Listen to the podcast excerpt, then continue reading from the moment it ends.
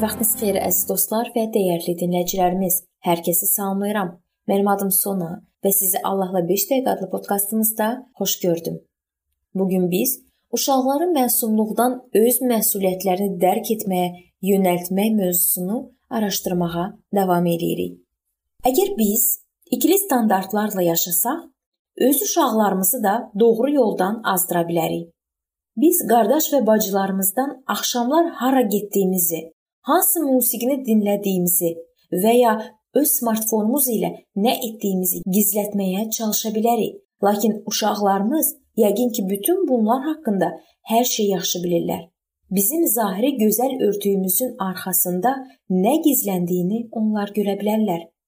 İkiyüzlülükləri ifşa olunan valideynlər övladlarını Allah yoluna gətirmək vəzifələrinin öhdəsindən yaxşı gələ bilməyəcəklər övladların həyatına vəsvəsələr gələcək. Lakin valideynlər öz övladları üçün vəsvəsə mənbəyi deyil, yaxşı məsləhətçi olmalıdırlar. Biz ailəmizin sağlam ruhani qida almasına nəzarət etməliyik. Bütün ailə atmosferimiz, əhvalı ruhiyyəmiz Allaha xoş gəlməyə yönəlməlidir. Bunun üçün biz müntəzəm olaraq dua etməli, Allah kəlamı üzərində düşünməli və ilahilər oxumalıyıq. Bütün ailə bunda aktiv iştirak etməlidir. Hətta kiçik uşaqlar da birgə oxumaq üçün nəğmələr seçə və müqəddəs kitaba dair sadə suallara cavab verə bilərlər. Yeməkdən və yatmazdan öncə edilən dua da övladlarımıza Allahla yaşanan həyatı düzgün dərk etməyi öyrədir. Valideynlər olaraq bizim övladlarımıza Allahın yaratdığı möcüzələri, bizi yaradanın həyatımız üzərində tam haqqı olduğunu göstərmək üçün çox böyük sayda imkanlarımız var. Bir dəfə və bu çox tez baş verəcək, Allah uşağa öz xilaskar çağırışı ilə müraciət edəcək. Biz istəyirik ki, onun qəlbi buna hazır olsun və Allahın səsini eşitsin. Hansı addımların xilasa apardığını özümüz də aydın dərk etməliyik. Bu bizə Rəbbin övladlarımızı nə vaxt tövbəyə çağıracağını anlamağa kömək edəcək. Xilas almaq üçün insan hər şeydən öncə dərk etməlidir ki, o günahkardır. Kiçik uşaqlar Allah qarşısında günahkar olduqlarını hələ dərk etmirlər. Əgər 12 yaşlı uşaq öz valideynlərindən onun tövbə etmək və imanlı olmaq üçün kifayət qədər yetkin olub olmadığını soruşursa, ondan soruşmaq lazımdır ki, bu cür sualları onda doğuran nədir? Bəlkə konkret nə isə onu narahat edir.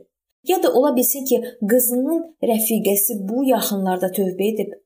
Əgər aşkar etsək ki, uşağımız günah və xilas haqqında hələ tutqun təsəvvürə malikdir, onda belə bir nəticəyə gəlmək olar ki, onun ictimaiyyət qarşısında tövbə etmək və Allahla barışmaq vaxtı hələ gəlməyib.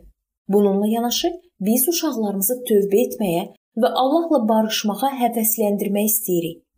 Bəlkə dua etməyi və müqəddəs kitabı müstəqil olaraq öyrənməyi uşağa tövsiyə etməyə dəyər. Məqsədimiz odur ki, uşaq Allah yolu ilə getsin.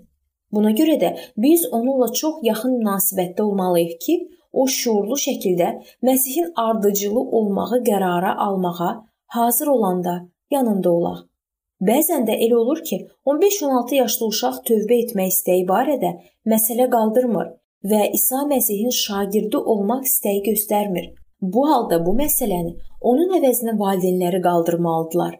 Uşaqdan soruşmaq olar ki, imanlar cəmiyyətində nə eşidib və bunu onun həyatında necə tətbiq etmək olar? Yaxud da yenidən doğulmaq nə deməkdir? Biz gözəl imkanlar vaxtının əlimizdən çıxmasına yol verməməliyik. Lakin uşağımıza aydın başa salmalıyıq ki, onun hansı ruhani yolu seçəcəyi bizim üçün çox vacibdir. Biz övladlarımızdan hər birinə özəl maraq göstərməliyik. Buna görə onlar üçün vaxt tapmaq lazımdır. Bu cür birlikdə vaxt keçirmək üsullarından biri də birgə səyahət və ya iş ola bilər. Gərəkdir ki, adi gündəlik söhbətlərimiz bəzən daha ciddi həyati mövzulara toxunsun.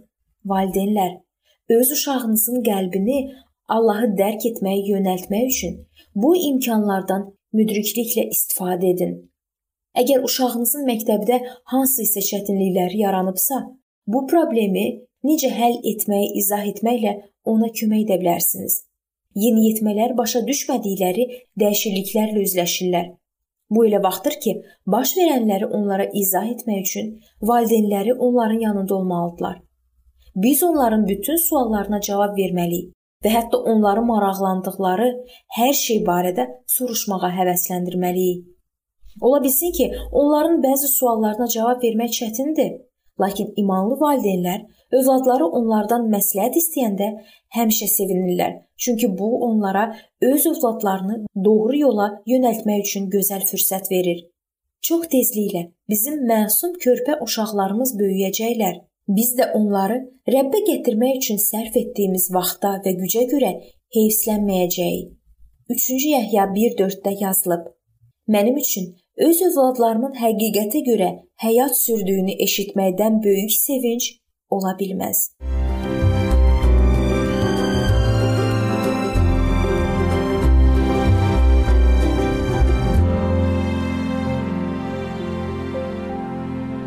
Beləliklə əziz dostlar, bu yerdə bu mövzu sona çatdı.